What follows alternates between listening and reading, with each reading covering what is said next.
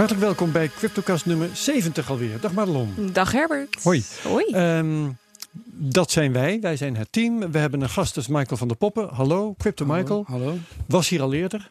Ja, vorig jaar in de microfoon zomer. Ja, zit een beetje te worstelen met de microfoonstandaard. Vorig jaar zomer, op de warmste dag. Jij herinnert het je nog. Ja, toen zat ik hier echt eh, naar adem te happen tijdens de podcast. We hebben hier geen airco helaas. Dus, En vandaag is het ook weer warmer. Gelukkig niet zo warm als vorig jaar. Maar niet zo erg als toen. Ehm, we gaan het dus met eh, Michael hebben over eh, trading, over altcoins en over nog veel meer. Eh, we geven geen beleggingsadvies, dat weet iedereen zo langzamerhand wel. En wij worden financieel geholpen door bitmymoney.com. Yes. Oké, we gaan het over nieuws hebben. Madelon, jouw nieuws. Ja, ik heb eh, behoorlijk wat nieuws, maar ik zal eventjes met één beginnen. Die pak ik er even bij. En dat gaat over de BIS.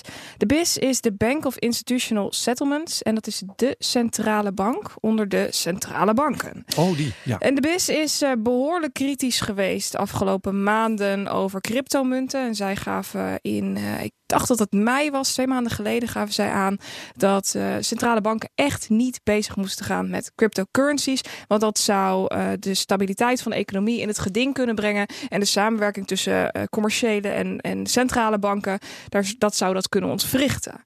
En nu zijn we twee maanden later. En tot mijn verbazing kwam het nieuws tot mij afgelopen zondag. Dat de BIS 180 graden van koers is gedraaid. Oh. De BIS die zegt namelijk dat zij nu inmiddels eh, deze cryptocurrencies die uitgegeven zouden kunnen worden door een centrale bank ondersteunen. Dan heb je dus over inderdaad ehm, eh, fiat crypto eigenlijk. Ja, dat is een een maar central bank digital currency heet dat in een moeilijk woord. Eh, dus niet decentraal, eh, niet volatiel. Ja, kan alsnog de Ja. hele boel om zeep helpen en dergelijke. Maar eh, de BIS die zegt nu, wij keuren deze digitale vorm van valuta vanuit centrale banken dus goed. We ondersteunen het zelfs. En met als reden benoemen zij dat hierdoor monetair beleid beter gevoerd zou kunnen worden. En daarnaast dat de transactiekosten en de kosten voor bankieren verlaagd kunnen worden. Ehm, of dat daadwerkelijk de reden is, geen idee. Maar dat is in ieder geval wat ze nu naar buiten brengen. En ik denk dat er toch wel iets aan de hand is. Waarom zij in twee maanden tijd van helemaal de ene kant naar de andere kant zijn omgedraaid. En dat is natuurlijk het rapport van Libra. Dat Facebook de Libra naar Mhm. buiten bracht. En dat zij ineens op hun achterste poten staan en denken: oh shit, Facebook die komt hierbij in ons vaarwater. Als wij niet snel. Als we nu niet iets doen, dan gaan centrale banken ook niks doen. Dus we moeten nu iets, eh, iets gaan, eh, gaan aangeven. En eh, nou ja, ze zijn dus nu heel positief over cryptocurrencies die uitgegeven worden of door een centrale bank. Alsnog zeggen ze, eh, ja, decentrale valuta als bijvoorbeeld een bitcoin, daar zijn we totaal niet mee eens. Staan we ook niet achter. Maar ik vind deze, ja, deze wending die de BIS hierin maakt wel een beetje vreemd. Ja, maar denk je niet, oké, eh, dat is één stap. Mooi, dat is alvast binnen. Mhm. Ehm, nou, ik weet niet waar dit naartoe moet gaan. Eh, ze zijn ehm, vanuit, hun per- perspectief behoorlijk ja, gedraaid. Maar wat willen ze dan nu? Ze roepen dan nu centrale banken op van nou, begin maar eens met je eigen cryptocurrency. We hebben met Petra Hielkema gesproken. Wanneer was het? Eh, nou, bijna een jaar geleden alweer. Ja. En zij gaf al aan, we hebben al vier keer getest met eh, crypto's. En tot nu toe zijn we nog niet in het stadium dat we denken, nou, zo'n eh, ja, zo'n zo'n DNB-munt, die willen wij graag introduceren. Ehm, ja, ik, ik heb het gevoel dat het gewoon een beetje geroep in de ruimte is. En dat het wat Hmm. meer marketing en, en die kant op gaat. Dan dat er daad- daadwerkelijk echt eh, concrete problemen worden opgelost met ditgene. Oké, nou, dat is, dat is één. Dat was één. Michael, daar ook eh, nog commentaar op? Nee, eigenlijk helemaal niet. Nee, goed verhaal. Dus, eh, Als aanstaand econoom. Hè, want Ja, eh, nou je, vorig jaar was je nog economie student en nu sta je op het punt van eh, het behalen van je graad. Hè? eh, ja, als het goed is, als ik mijn scriptie heb afgerond, dan eh, kan ik eindelijk de wijde wereld in en gewoon leuke dingen doen. Ja, dat ook. Oké, goed. eh, meer nieuws, Madelon. Ja, ik had nog een nieuwtje. En ehm, we werden hier ook over, ehm, over, over getagd op Twitter. Er waren mensen die zeiden: Dit moeten jullie zien. Eh, wat vinden jullie hiervan? En ik weet nog dat jij, Herbert, reageerde met: Wat moet ik hiermee? Of iets in die trant. En dat ging over het eh, eh, afschaffen van het 500 euro biljet. En daarnaast ehm, contante betalingen boven de 3000 euro. Ja, En jij snapte daar niks van, Herbert. van Het bestrijden van witwassen. Ja. Nee, wa- wat, wat, wat doet dat tegen witwassen?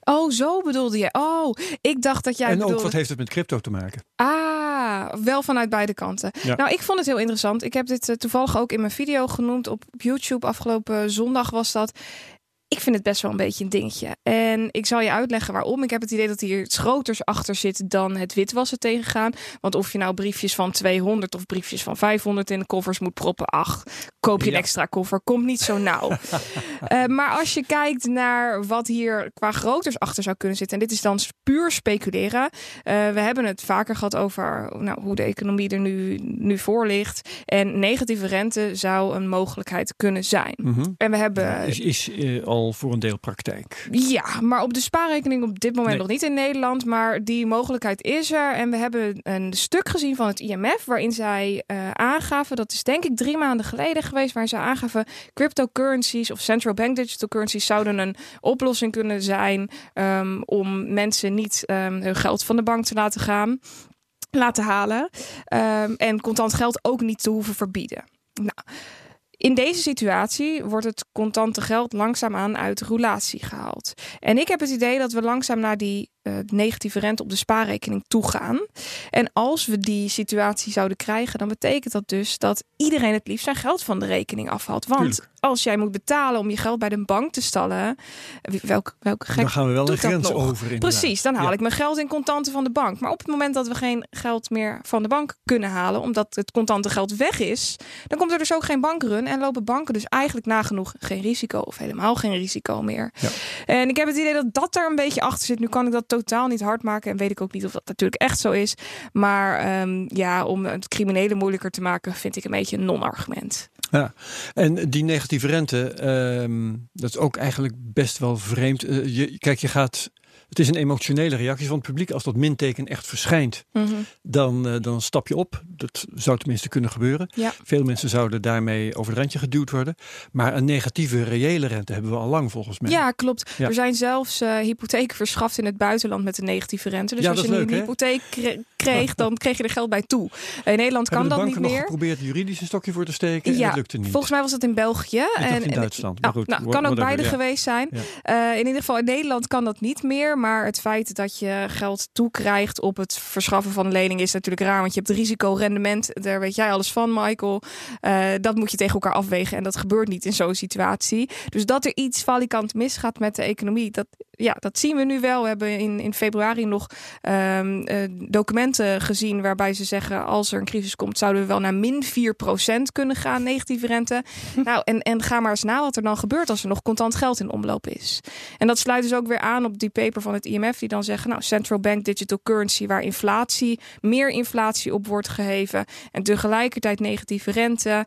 Ehm, dus een parallele munt, zodat we geen cashgeld meer hebben. Nou, we kunnen alle kanten op, maar ik heb het gevoel dat deze regel van meneer Hoekstra, dat dat niks te maken heeft met eh, het moeilijk maken voor criminelen.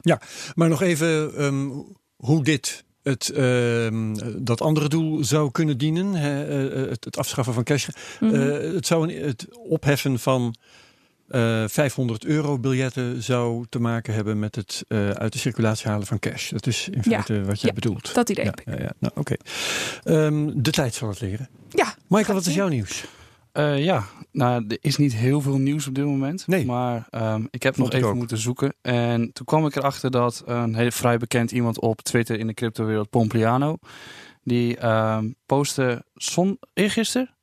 Ja, eergisteren postte hij een brief online eh, vanuit de Am- Amerikaanse overheid. Dus verschillende taskforces van de Amerikaanse overheid. Die hadden een brief gestuurd naar Mark Zuckerberg en Facebook aangaande de Libra. Nou, de Libra die is al de laatste weken wel redelijk veel besproken. Ja. Maar wat er in die brief staat is een duidelijke sommatie om er eigenlijk gelijk mee te stoppen. Want ze zien, eh, de Amerikaanse overheid zien de Libra als ehm, gevaar voor de monetaire beleid van de VS. Eh, en willen eigenlijk dat ze ermee gaan stoppen. En een van die redenen die ze aangeven daarin is dat ehm, als je de Calibra, dus de wallet van Facebook, gaat gebruiken, dat die makkelijk gehackt kan worden. Mhm. Op dit moment is er al meer dan 1 miljard gestolen vanaf cryptocurrency exchanges. Dat is argument 1. En argument 2 is dat er heel veel, ehm, eh, heel veel door kan worden gewitwassen. Dus zeg maar eh, laundering, money laundering. Ik vond dat een best wel apart argument. Want als je kijkt, ja, als dit dus een argument gaat zijn dat we stoppen met een cryptocurrency. Mhm. Laten we dan ook even naar de banken kijken. Want volgens mij wordt daar iedere bank ieder jaar wel een keer aangepakt voor witwassen. Eh, maar dat, deze, standaard argumenten worden nog aangegeven. En ze willen eigenlijk dus dat Libra stopt. En los daarvan, als je het weer, weer legt op Bitcoin, daar wordt ook wel eens wat gestolen. En uh, dat, ja, dat staat ook niet allemaal even veilig. Dat, daar zou je dezelfde argumenten op los kunnen laten. Dus waarom je dan ja, Facebook en, nou, en, Facebook is een organisatie en Calibra is een organisatie. Die kun je aanpakken. En Bitcoin is out there, kun je veel moeilijker aanpakken. Maar Calibra en Libra staat nog los van elkaar. Heb je daar nog verschillen tussen kunnen ontdekken, Michael? Nee, in de brief worden ze allebei aangeschreven. Oké. Dus, maar het grappige is wel dat ze bijvoorbeeld bij Libra dus nu aangeven... ja, we vinden het een gevaar voor het monetaire beleid. Maar als ze bij Libra datgene al gaan zeggen... wat vinden ze dan van een bitcoin bijvoorbeeld... die dus niet aangepakt kan worden? Want die is decentraal. En dat steekspel is best wel interessant. Want meerdere partijen willen graag een cryptocurrency op gaan richten... vanuit de commerciële doeleinden... Um, hoe gaat dat gevecht met de overheid plaatsvinden de komende tijd? En dat is eigenlijk hier het begin van. Ja, uh, die brief, uh, is die zeker echt? Ja, die is echt. Oké. Ja, nou, spannend. Ja, vind ik wel. Nog ja, we meer gaan, uh, daarover? We, we, gaan een nieuw tijdperk in, heb ik het gevoel.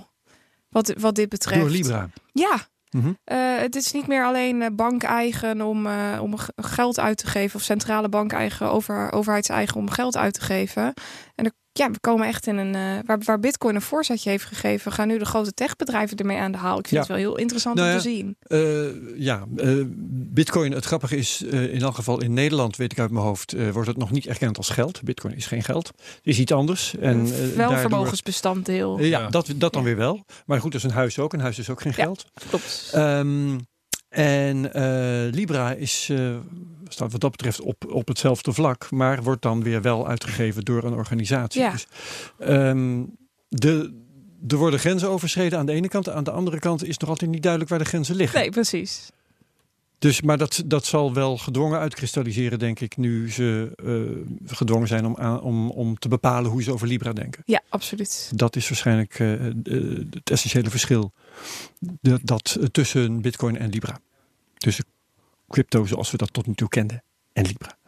Oké, okay, um, jij nog meer, Michael? Nee, nee, echt okay. helemaal niks. Ik heb een uh, paar dingetjes. Uh, mij viel op dat uh, na Venezuela nu ook Cuba iets wil gaan doen met crypto. En dat is een ontzettend onduidelijk verhaal, vond ik eigenlijk. Even kijken of dat uh, op mijn scherm kan krijgen. Vermakelijk van SBS Nieuws in Australië. En heel erg vaag. Um, het, het communistische, de communistische regering overweegt het gebruik van cryptocurrency als onderdeel van een aantal maatregelen om zijn economie op te peppen in een crisis die, die steeds erger wordt ten gevolge van Amerikaanse sancties die weer terug zijn ingesteld. Hè? Mm -hmm. um, en ja, veel substantie heeft het bericht niet. Maar uh, volgens SBS gaat Cuba dus uh, de kant van Venezuela op. Zonder dat op dit moment duidelijk is wat ze nou wat. precies uit gaan brengen. En hoe zij dat, uh, als ze dat al willen gaan bekken, hoe ze dat willen gaan bekken. Venezuela zou het dan zogenaamd doen met die olie, weet je wel. die Petro, ik heb vandaag nog eens gekeken, die is nog altijd niet op CoinMarketCap te vinden. Dus dat, dat blijft een, een, een, een schimmig iets. En uh, Cuba kun je wat dat betreft moeilijk hoger aanslaan. Maar ja, je weet maar nooit wat voor konijnen ze uit de hooghoed toveren. Ja, ik vind dus het wel dat heel ik in elk geval even gemeld hebben. Ik vind het wel heel interessant, Herbert.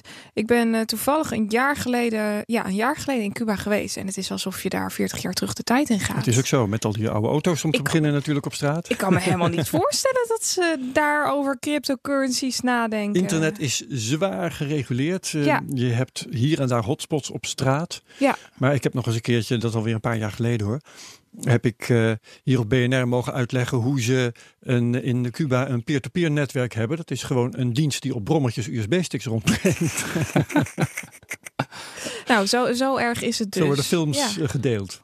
Wow. Ja. Maar is dat niet een beetje hetzelfde als wat we gezien hebben met Venezuela? Die hadden toen ook die, die petrodollar die ze geïntroduceerd ja. hebben. Maar de geluiden die je eigenlijk vanuit die hoek hoort, is dat alleen de overheid er heel veel baat bij heeft en geld eraan verdient. En de gewone burger er eigenlijk niet zo ja, vooruit gaat. En de koers ten opzichte van, hoe heet dat ding ook weer, de munt die ze daar eigenlijk hebben, die aan, aan hyperinflatie ten prooi is. Die, de koers die werd met een pennenstreek uh, verviervoudigd bijvoorbeeld. Ja. ja. Zomaar opeens. Dat, uh, ja, dus dat is een raar ding. En uh, hoe dat in Cuba zal gaan, nou moet het in de gaten houden. Ja. Dus dat had ik En ehm, ja, verder, eh, jullie hebben het ook gezien, er is erg weinig nieuws. En uh, typerend daarvoor vond ik het bericht tussen aanhalingstekens op Cointelegraph notabene dat uh, de 4th of July, dat dat wel eens een begin van een grote koersstijging zou kunnen betekenen. Waarom? Omdat ja. het wel vaker gebeurt bij feestdagen. Want het, het Chinees mensen, nieuwjaar. Ja, dan hebben mensen niks anders te doen dan met elkaar over crypto te lullen en daarna naar de exchange te stappen. Ja. Um, maar met wat statistieken zag je daar dan bij. Uh, even kijken, hoe heet het ook weer? Uh, Thanksgiving was dan een keer in 2017, mm -hmm. geloof ik, het begin van de stijging. Kerst en nieuwjaar ook. Nou, het zal allemaal wel. Het is vandaag, als we dit opnemen, is het de 4th of July. Yes. Alleen op dit moment zijn de Amerikanen nog niet echt wakker. Dus uh, we zullen later op de dag en misschien morgen, de 5e juli, zullen we kijken of dat dan echt gebeurd is. En of dat dan de komende dagen verder gaat. Oké. Okay. Madelon, uh, je mag de prijzen gaan analyseren nu we het toch daarover hebben. Ja, ik pak gelijk de grafiek er eventjes bij. Ik heb hem nu uh, voor me. En we hebben afgelopen periode een behoorlijke daling gezien. Daarna eventjes afgelopen weer een stijging. ja. ja. afgelopen week daalde de koers enorm. Ik heb nu de 4 uur grafiek erbij, maar ik zal eventjes de daggrafiek erbij pakken. Ja, afgelopen week hadden we dus best wel een, een forse stijging, maar er was nog een mooie steun weten te behouden om nabij de 10.000 dollar. Dat is wel dat is een, heel even onder, hè? Ja, je moet wel een, een, een wat bredere supportlijn eronder uh, tekenen. Maar om en nabij de 10.000 dollar. En ik voel nu wel een beetje de hete adem van Michael in mijn nek hangen. Want als ik nu iets verkeerd zeg, dan is het gelijk, oh nee. Uh, maar we hadden dus een neerwaartse trend, wat je ook wel een falling wedge zou kunnen noemen. En daar zijn we momenteel opwaarts uitgebroken. En het koersdoel daarvan was mijns inziens 12.000 eh, dollar ongeveer. En die hebben we nu geraakt. En nu gaan we in een nieuwe, nou op de uursgrafiek in een nieuwe driehoek. Dus dat wordt een, een kleine prijsbeweging. Dus dat zal uh, nou niet een, niet een behoorlijk forse prijsbeweging zijn. Momenteel kijk ik naar uh, de 12.000 dollar als weerstandslijn en als uh, supportlijn de 11.100 dollar. En ik kan er zelf op dit moment niet heel veel van maken, behalve dat we een mooie steunlijn hebben die schuin omhoog loopt. En dat is eentje die, even kijken, hier nu rond de nou, 11.300 bungelt. Dus um, vooralsnog ben ik behoorlijk positief. Ik zie ons niet super snel teruggaan weer richting die 10.000 dollar. Ik weet niet wat jij daarvan uh, vindt, Michael. Ik denk dat Bitcoin op dit moment wel redelijk uitgeraasd is. Dat mhm. dan weer wel. Ja. Uh, maar dat hij op dit moment bezig is om eigenlijk een soort van gebied te kweken. Waartussen die gaat bewegen de komende tijd. Dus waar gaat de top liggen? Zal het bij 14.000 zijn? Als we daar weer naartoe gaan, verwacht ik dat we doorgaan. Um, ik denk eerder bij de 12.500 dat hij daar wat weerstand gaat vinden. Dat hij gewoon een hele tijd zijwaarts gaat of even wat kalmer gaat doen. Ja, dat moet ook wel eigenlijk. Ja, ja zeker na zo'n parabool als die we nu gezien hebben, moet hij even weer ergens een niveau gaan vinden dat hij nou, gewoon wat rust gaat creëren, nieuwe, nieuwe accumulatie. Voordat we weer verder kunnen gaan. Er is ook niet heel veel om de komende maanden naar uit te kijken als het gaat over Bitcoin en nieuws. Dus ja, ik denk een vrij relatief kalme zomer wel, hopelijk. Ja. Ik zag ook een stuk van Tuur de Meester, uh, Medium, van uh, adamant.com. Mm -hmm. um, waarin hij een aantal van dit soort korte parabolen had geanalyseerd. En uh, ook de verwachting uitsprak dat het een stukje naar beneden zou gaan. Voordat het eventueel weer verder zou klimmen. Ja, tot 10.000 dollar zou prima zijn. Maar dat is geen, dan ja. is er geen man overboord. Dat moet in ieder geval nee, duidelijk zijn. Dat was van de week ook Ja, ik heb zelf heb ik hem ergens bij 9,5. Misschien dat het nog naar 9 zou kunnen gaan. Maar dan blijft hij nog net boven ja, die uh, weerstand die daar ligt. Ja.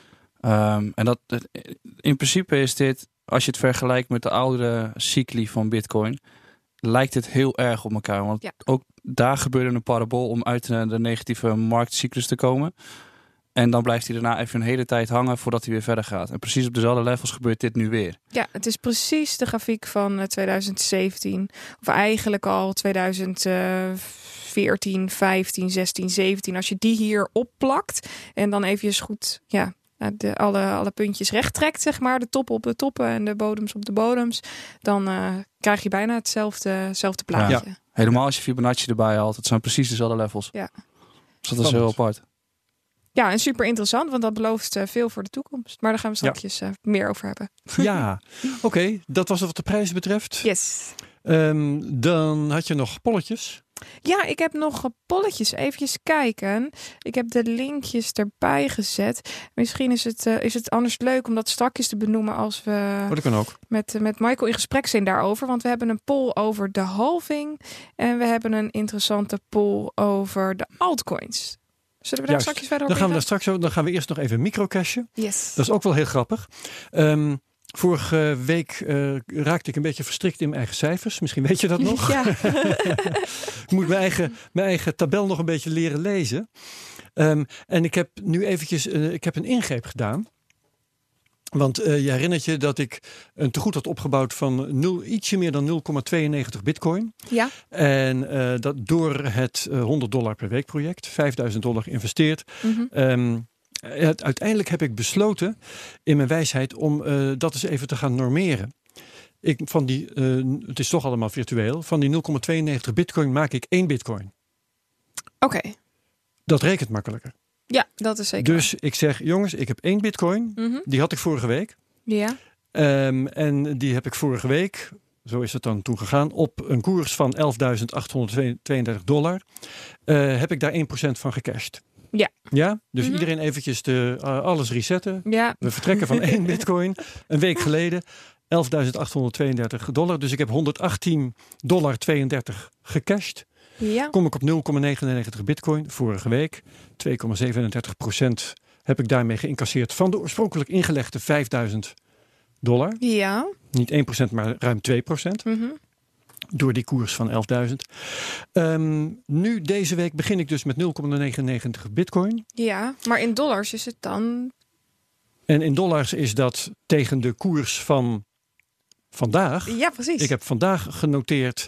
En verbazingwekkend genoeg scheelt het bijna niks. Ik had vorige week 11.832. Vandaag heb ik genoteerd vanmorgen Aha. 11.813. Ondanks dat je gecashed hebt dus eh, Juist, vorige week. Ja, ondanks dat ik gecashed heb. eh maar neem, wacht eventjes. De koers, eh, niet het goed te goed, maar de koers is twee tientjes lager dan vorige week. Ah, oké. Dus wel degelijk is mijn tegoed Iets. ietsje meer dan wat ik gecashed heb, lager dan vorige week. Ja, precies. Oké, dus mijn tegoed is 11.695 dollar zo'n beetje. Mhm. Daarvan ga ik nu 1% weer cashen. Ja. En dat is, even kijken dat ik het allemaal goed eh, zeg, Eh 117 dollar. Ja. Bijna. Kom ik dus uit op eh, uiteindelijk 0,9801 bitcoin. Mhm. Dus ietsje meer dan 98 honderdste van een bitcoin. Ja. Een procent van een procent. Ehm, en uiteindelijk heb ik nu, als ik het allemaal bij elkaar optel, inmiddels 235 dollar gecashed. Vorige week 117, deze week, sorry, vorige week 118, deze week 117. En eh, samen 235 dollar en een heel klein beetje. 4,71 procent van de oorspronkelijke 5000 dollar. Nou, klinkt hartstikke goed vooralsnog. Zo gaat het. En toevallig is dus de koers vrijwel gelijk gebleven. Dus eh, eh, spectaculaire dingen die met het microcashje zelf te maken hebben, maken we nu nog niet mee. Nee, Maar eh, dat komt dan misschien in de komende weken nog gaan wel. we zien. Dat gaan we zien. En dan zijn we nu toe aan het praatje met Michael. Michael van de Popper, Crypto Michael. En ik geef het woord maar eens even aan Madelon, want die heeft het voorbereid. Ja, ik heb eh, vanochtend even een voorgesprek gehad met jou, Michael, natuurlijk. En ik ben eigenlijk wel heel erg benieuwd naar jouw overal visie van de huidige markt op dit moment. Als we kijken naar hoe het er nu voor ligt, hebben we verschillende kampen. Althans, wat ik zelf zie, is, is een kamp altcoin en een kamp bitcoin. En bitcoin die gaat enorm omhoog. Eh, fundamenteel is er niks veranderd, althans, mijn inziens niet zoveel. Afgelopen anderhalf jaar wel, maar nu de afgelopen paar maanden niet. Eh, de altcoins die zijn maar een beetje wat aan het ploeteren. En als ik nu naar de markt kijk, denk ik, ja, wat moet ik hiermee? Wat, wat vind jij hiervan? Ik denk dat op dit moment ehm, sowieso Bitcoin en Litecoin hebben eigenlijk de hele markt in bedwang. Want dat, Bitcoin en Litecoin. Ja, Litecoin, als een ja, Litecoin zelf begint het, deed het eerst ook heel erg goed. Maar dankzij deze laatste rally van Bitcoin eh, heeft Litecoin een klein tikkie gehad. Maar die hebben in principe de focus op dit moment. En de oudere munten, dus de oudere altcoins van 2017, 2016, daar zit helemaal geen, geen hype achter. Die kunnen alles releasen wat ze willen. Mhm. Mensen kopen die dingen niet, want er zit, er zit geen hype in. Dus wat er nu eigenlijk gaande is, is dat Bitcoin en Litecoin doen het heel goed. En voor de rest zijn het de IEO's. Dus de Initial Exchange Offerings die het heel erg goed doen. En nog een paar kleine nieuwe munten zoals Chainlink, eh, Binance Coin. Het zijn allemaal de nieuwere munten die het heel erg goed doen. En de oudere, ja, dat, daar zit nog geen hype in. Dat en leg gewoon heel lang. uit wat IEO's zijn. Nou, het is eigenlijk gewoon een ICO, dus een initial, initial coin offering. Alleen dan wordt dat gedaan vanuit de exchange. En bij Binance gaat dat vanuit een lottery systeem, waarbij je eerst een aantal, een x aantal Binance tokens moet vasthouden voor een bepaalde tijd. Dan heb, krijg je een lottery ticket en vervolgens krijg je een allocatie. Nou, vandaag was er uh, een van die, uh, één keer in de maand gebeurt dit. Vandaag was er een van die uh, IEO's die gelist werd op de exchange. En die wordt dan gelist op 15 keer de IEO-waarde. Oh. Dus dat is een beetje hetzelfde spectrum als waar we in zaten met de ICO's. Waarbij Dus ja, ook. eh, ja, ja, dat doet me ook denken aan airdrops. In die zin is het, ja, het is als je erin zit, is het gewoon gratis geld. Want het gaat Ja. altijd over de kop of meer. Dus de hype zit daar heel erg in en daar zit het volume ook in.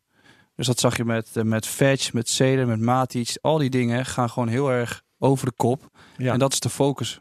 De En nieuwe als ik- markt. Al- Als je dan hoort gratis geld, eh, nou ja, dat hebben we met ICO's hebben we dat ook eigenlijk meegemaakt. Mhm. Dan eh, denk ik dat gaat binnen afzienbare tijd gewoon in een kwade reuk staan. Denk jij dat niet ook? Ja, het is nu de hype en dat gaat vanzelf alweer over. Maar het kan prima ertoe leiden dat we dezelfde bubbelpatronen gaan zien in deze nieuwe munten als die we gezien hebben in de ICO's in 2017. Ja. Als er echt wat momentum in begint te komen. En als je dan nu kijkt naar de ICO's van 2017, je zegt daar gebeurt eigenlijk vrij weinig. Zijn die dan dood te verklaren? Of Nou, dan kom je eigenlijk denk ik bij het nieuwe eh, waar we het kort over gehad hebben met regulaties. Dat aspect komt er wel bij kijken van Mhm. Welke munten gaan daadwerkelijk door de regulering heen komen. Ehm, bijvoorbeeld Binance gaf al aan dat ze geen klanten uit de VS meer gaan accepteren.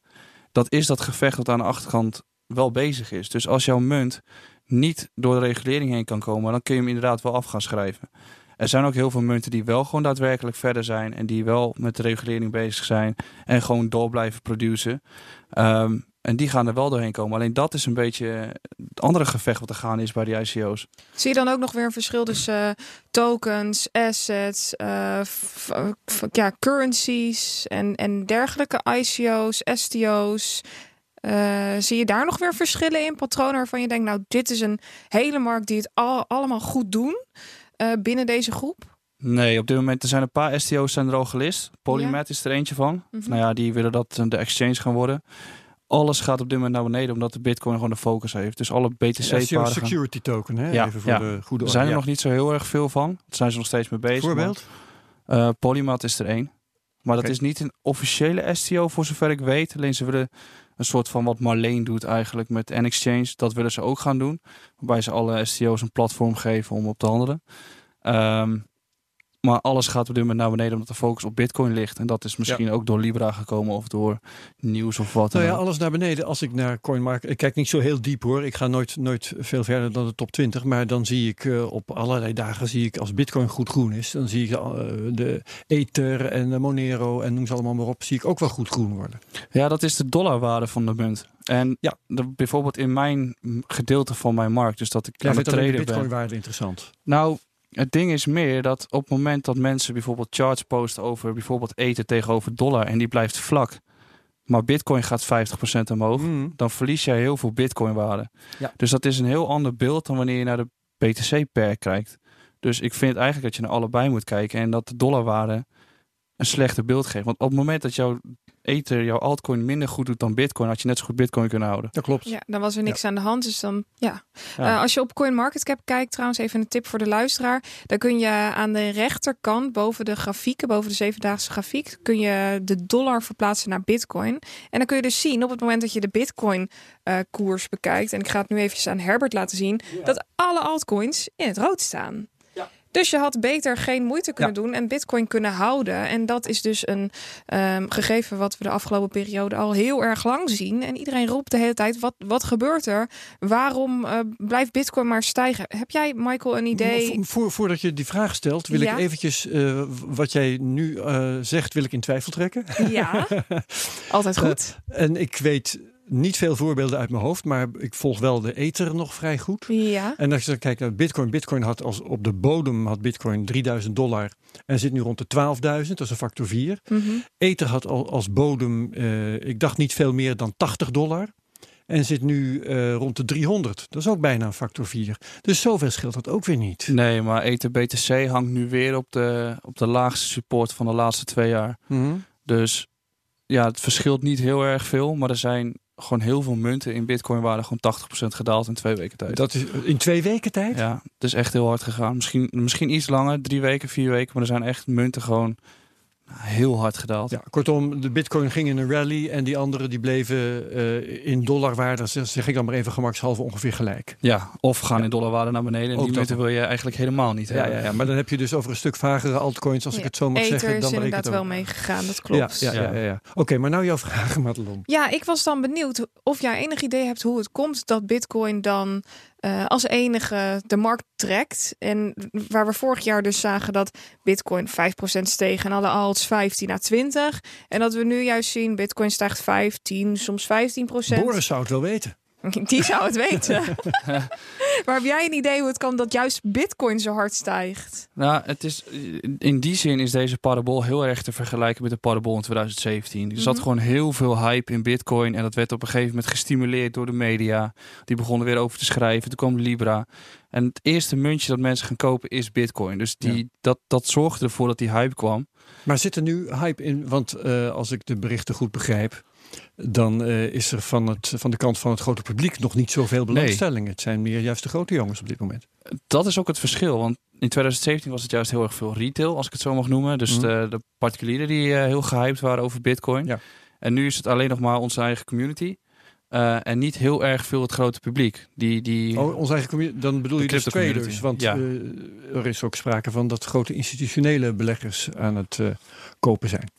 Dat gerucht is er inderdaad, maar dat was er vorig jaar toen ik hier zat volgens mij ook al. Mhm. Mhm. ja. Ehm, dus dat is er altijd wel gaande. Maar je, inderdaad, er komt meer vanuit die hoek wel aanzetten van ja, we willen bitcoin aan gaan schaffen, we willen het gaan reguleren en dergelijke. En dat wordt voornamelijk onderbouwd doordat je nu, als je, als je de Google Trends bekijkt en je legt de grafiek van bitcoin op de Bitcoin-koers op de trends. Dan zag je in 2017 dat de, de uh, zoekresultaten voor het woord Bitcoin en wat is Bitcoin of Bitcoin kopen, dat die enorm steeg. En tegelijkertijd steeg de koers ook. En nu zie je dat de koers heel erg stijgt, maar dat het woord, het zoekwoord Bitcoin veel minder wordt genoemd. Dus dat het dan grote partijen zouden moeten zijn. Vind ik, um, ja. Of, zegt niet alles. Nee, zegt zeker niet alles. Absoluut niet. Maar ik denk wel dat het is ook in die 2017-cyclus altijd geweest. Eerst moet Bitcoin gaan rennen en dan komt de rest erachteraan. Bitcoin is nog steeds de marktleider, dus die moet het als eerste het beste gaan doen. En dan pas kan de rest ruimte krijgen en erachteraan gaan. Bijvoorbeeld de grootste alt-season tussen haakjes was in januari 2018 toen Bitcoin naar beneden ging. Of in ieder geval de eerste drop naar beneden had gehad. Toen kwam de grootste alt-season, dus die zijn altijd erachteraan. Dus, ik, ja, dus als Bitcoin de top heeft gehad, dan zouden de altcoins ruimte krijgen om te, te gaan lopen, zeg jij. Ja, dus als Bitcoin ergens bij de ton is, denk ik, met dit tempo. en het grappige is, ik keek daar, ik, ik mag altijd graag naar de geschiedenis kijken. En uh, ik keek laatst nog eventjes naar wat er is, wat is er eigenlijk gebeurd rond uh, eind 2018, begin, sorry, eind 2017, begin 2018. Want Bitcoin had zijn top. Um, in december 2017, uh, als ik me niet vergis. Ja. Uh, maar wat deed de Ether ook weer? En de Ether die had zijn top pas, ik geloof, in maart 2018. Ja, iets dat van zes, 1400... weken daarna, ja. Ja. Klopt, ja. Toen was het echt Veel later. Toen ging alles helemaal door het dak heen. En jij zegt dat gaat zich herhalen? Nou, ik dat durf ik niet te zeggen. Maar ik denk wel dat de altcoins die daadwerkelijk een toekomstperspectief hebben, straks de ruimte gaan krijgen om erachteraan te gaan. Want inderdaad, wat we, waar we het net over hadden, de dollarwaarde blijft wel gewoon vlak van de meeste van die altcoins. Dus dat is in principe een goed teken. En dat houdt in dat eigenlijk iedereen alleen die dingen verkoopt om naar bitcoin te gaan en de bitcoinwaarde omlaag gaat, maar de dollarwaarde blijft gelijk. Oké. Dus ik verwacht dat wel. Voor dit moment wou ik eventjes uh, de uitzending onderbreken voor een muziekje. Dat is ons op Twitter aangeraden en uh, uh, volgens mij zelfs door, door meer dan één twitteraar, maar dat moeten jullie me even schenken. het is een bewerking van Lil Nas X, als ik het goed uitspreek, Old Time, Old Town Road. Het is dan de Bitcoin version en um, dat heet Old Time Low.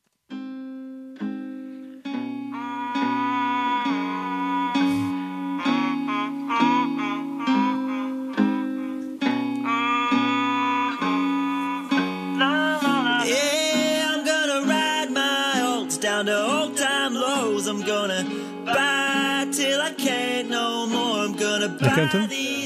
Cause they're oversold. I'm gonna buy till I can't no more. I got my old coins by the bag, emotionally attached.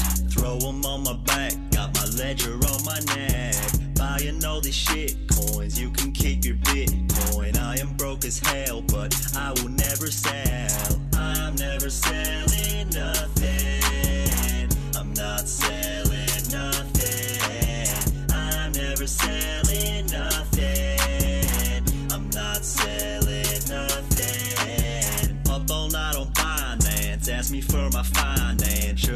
financial advice, and if I'm nice, I'll tell you what to buy next. Homo by the pump, panic sell the dump.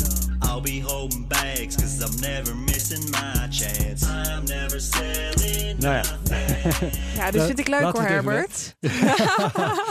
Hij, eh, op de video zie je hem eh, vuilniszakken vol met altcoins omhoog houden.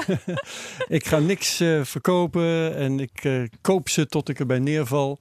Want ik ga met ze mee tot helemaal tot dieptepunt. En later zegt je, het is natuurlijk wel de bedoeling dat ze weer stijgen. En dan wil ik op het hoogste punt verkopen.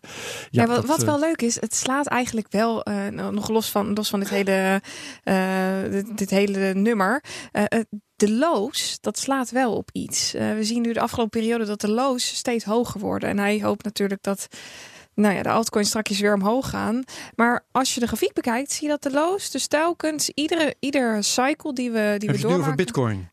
alles. Alles. Dus ook De altcoins. De Oké. worden steeds een stukje hoger. Vind jij dat ook? Zie je dat ook zo, Michael? Ik denk dat je nu de dollarwaarde bedoelt. Ja, in dollarwaarde. Ja, zeker. want dollarwaardes, die is, ook de, voor de altcoins zijn die de laatste maanden gewoon high lows aan het maken, dat Mhm. klopt. Eh, maar als je naar de bitcoin waardes kijkt van sommige van die altcoins, ik geef als voorbeeld Stratis, die hangt onder het niveau van voor de pump in 2017. Dus voordat hij die hele cycle kreeg in 2017.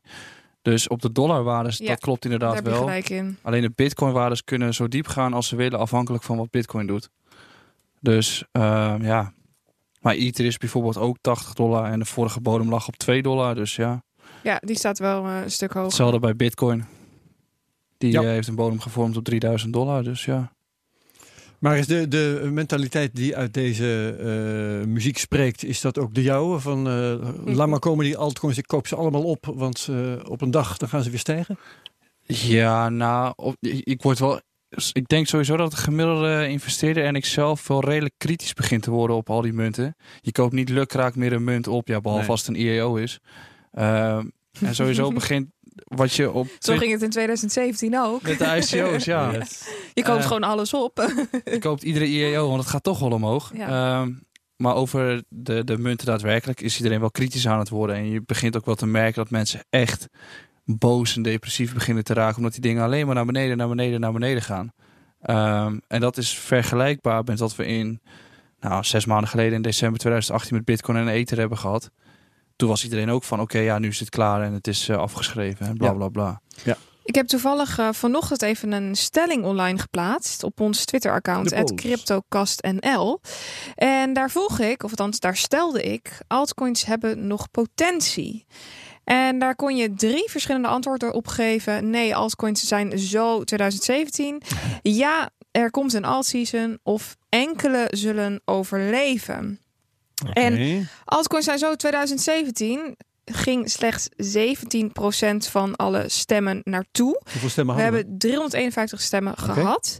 En ja, er komt een alt-season. Daar stemde 36% voor. En slechts enkele zullen overleven. Dat was 40, 46%. De helft, Dus bijna. nog best wel verdeeld. 17% die zeggen, nou, altcoins, dat wordt het niet meer. En eh 36% die zegt, ja, we krijgen nog wel weer een alt-season. En de rest is een beetje hmm, twijfelachtig. Michael, laat je licht erover schijnen.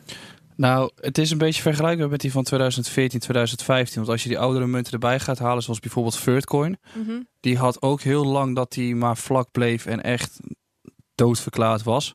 Tot die op een gegeven moment begin 2016, dus na de eerste piek van Bitcoin, weer begon te rennen. Dus ehm, En heeft hij toen zijn schade ingehaald? Ja, die heeft een all-time high ook neergezet in 2017. Mhm. Hij heeft meerdere cycli gehad. Maar er zijn ook heel veel munten uit die fase, zoals Namecoin en eh, wat hadden we nog meer? Feathercoin, Ja. Peercoin.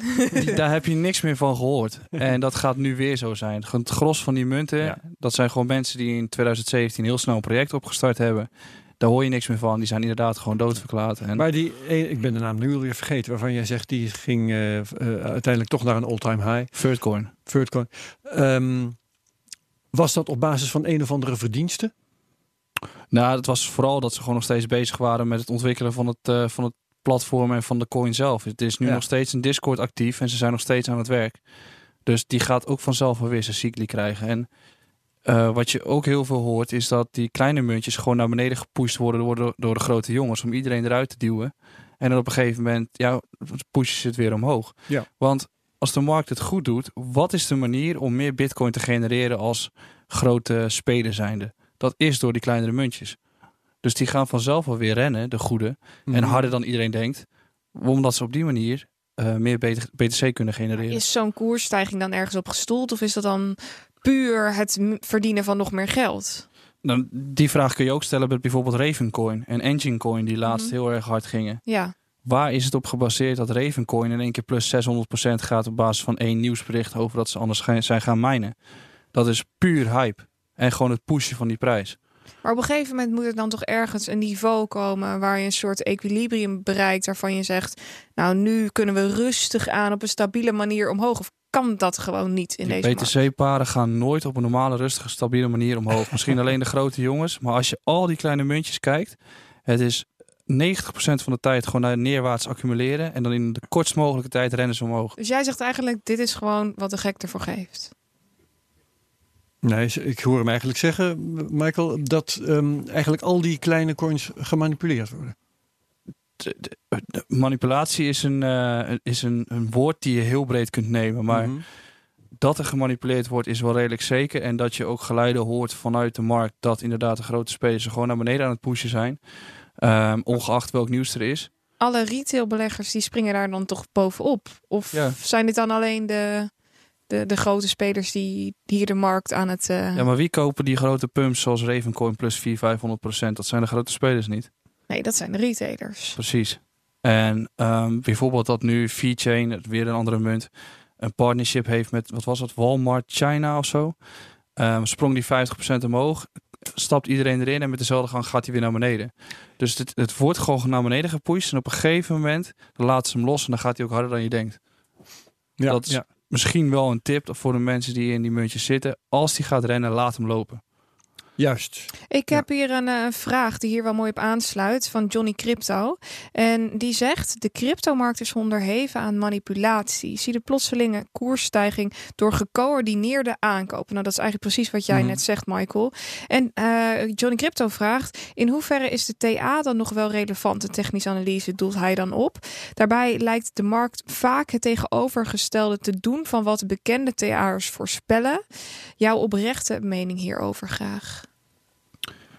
Eh, mijn mening daarover is, is dat er in iedere markt manipulatie gaande is. Dus ehm, stellen dat doordat er manipulatie is, TA niet meer mogelijk is, is eigenlijk dus dan in iedere markt van toepassing. Mhm. Ja, maar bij crypto gaat het makkelijker. Die markten zijn gewoon dunner. Dat ook. De orderboeken zijn veel dunner, dus het is veel makkelijker om het te doen. Eh, liquiditeit is een probleem. En het is veel doorzichtiger ook. Omdat het gewoon alles kan je zien. Alles kan, gebeurt niet in achterkamertjes of wat dan ook. Eh, maar nog steeds is de TA wel van toepassing. Want in die hele rally van Bitcoin omhoog is gewoon telkens levels. Telkens dan breekt hij ergens uit, komt hij weer terug, ziet hij het als support en gaat hij door. Dus, dus TA is wel gewoon een tool om te gebruiken in je handelen. Ja, wat, wat ik altijd gebruik zijn eh, de patronen. En op basis van die patronen kan een koers of omhoog of omlaag. Je kan ongeveer een inschatting maken van wat voor koersbeweging dat gaat opleveren. Hoeveel procent dat zal gaan zijn. Of wat het in absolute bedragen zal gaan zijn. En dan zet je gewoon alvast je orders in. Of, of je wacht totdat het de koers uitbreekt, opwaarts of neerwaarts. Je kan er altijd nog op inspelen. Los van of daar dan toevallig een één grote partij is geweest die 100 miljoen de markt in heeft gegooid. Klopt zeker. Het is nog steeds. Het is, ze spelen hetzelfde spelletje. Dus het is gewoon een levels, levels, levels prijsactie. Dus bij een Mhm. bepaalde level of een bepaalde prijs stopt hij even, gaat hij zijwaarts. Maar wat hij nog steeds gedaan heeft, is telkens hogere bodems neerzetten. Ja. En bleef volume ingaan.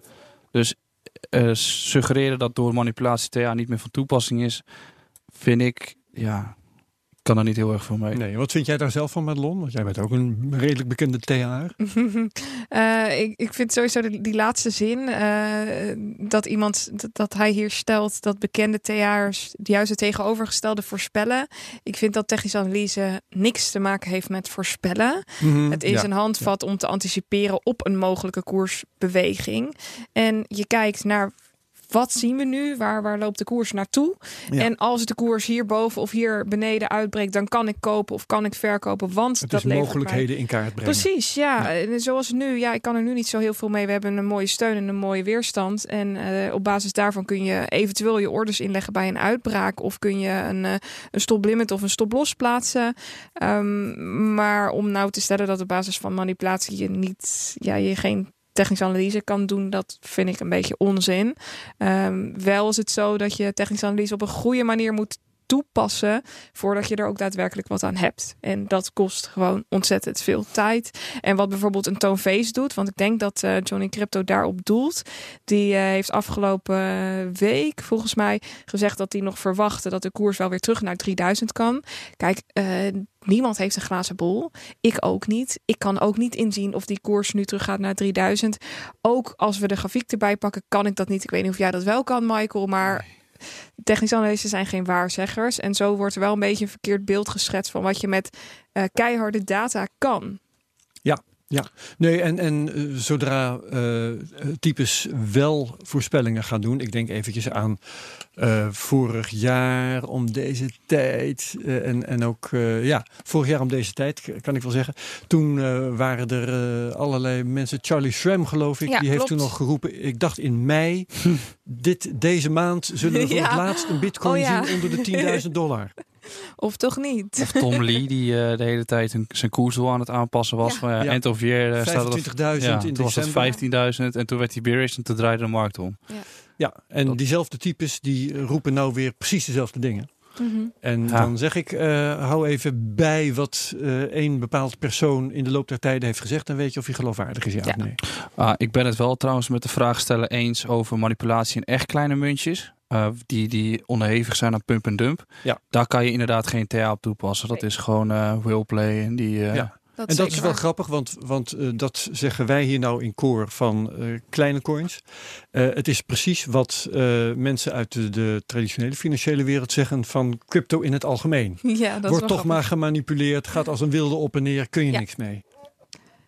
Ja, ja. kijk, weet je wat het is? In deze markt kun je met 100 miljoen eh, de markt 1000 à 1200 euro verschuiven. 100 miljard moet ik zeggen, sorry. Eh, en 100 miljard is natuurlijk voor de grote banken, de grote institutionele fondsen, is dat niks. Ja, maar ze schuiven dat niet crypto in. Eh, nee, maar de grote partijen die eh, nu op deze markt eh, spelen, deze bijvoorbeeld de miners of iets dergelijks, die kunnen echt wel met eh 100 miljard de, de koersen lekker bewegen. Nou, Ehm, 100 miljard, dat is de halve Sorry, ik bedoel 100 marktkapitalisatie. miljoen. Ik, Ja, ik zit ik zit even helemaal. Sorry, ik bedoel 100 miljoen. 100 Oké. miljoen is natuurlijk niks in Nou, verhouding.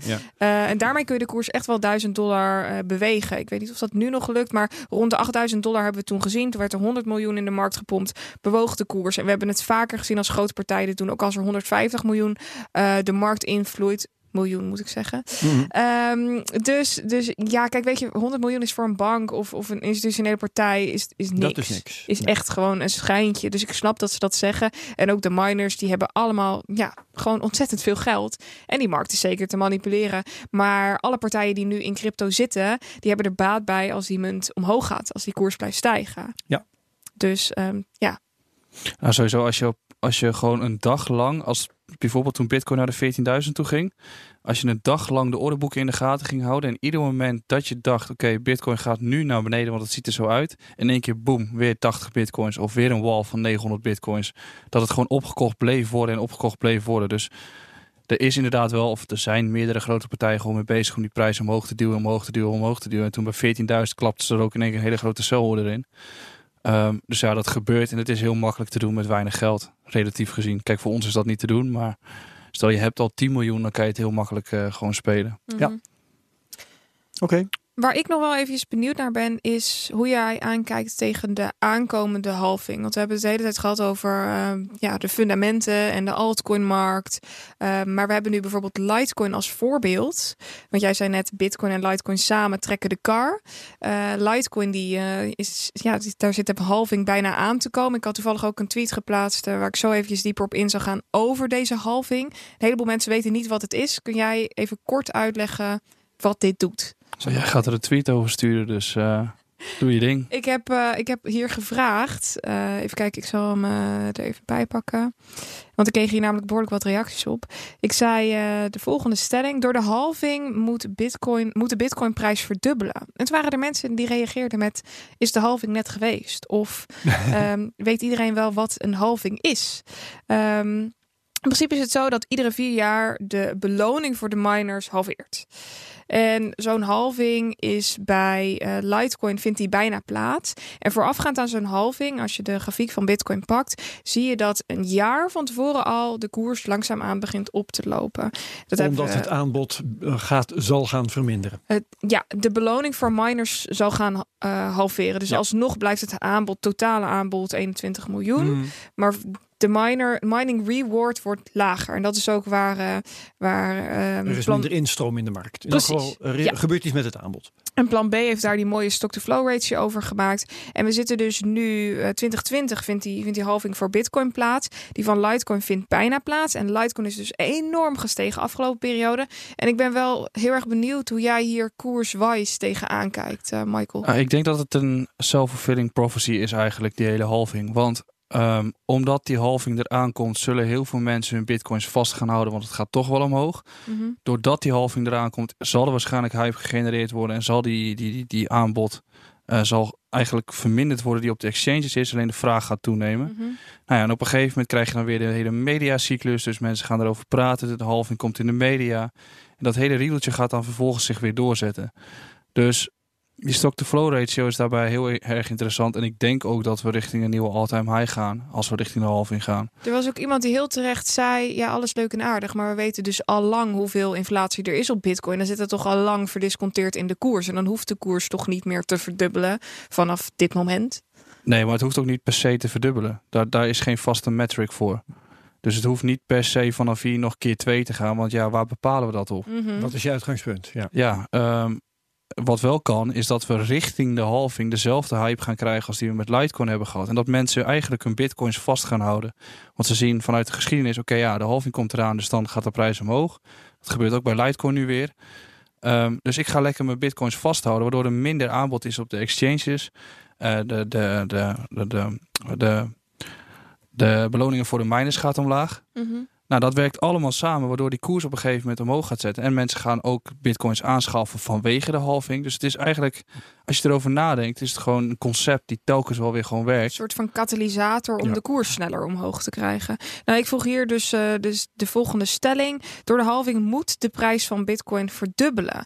En ik vind het antwoord eigenlijk nog wel schokkend.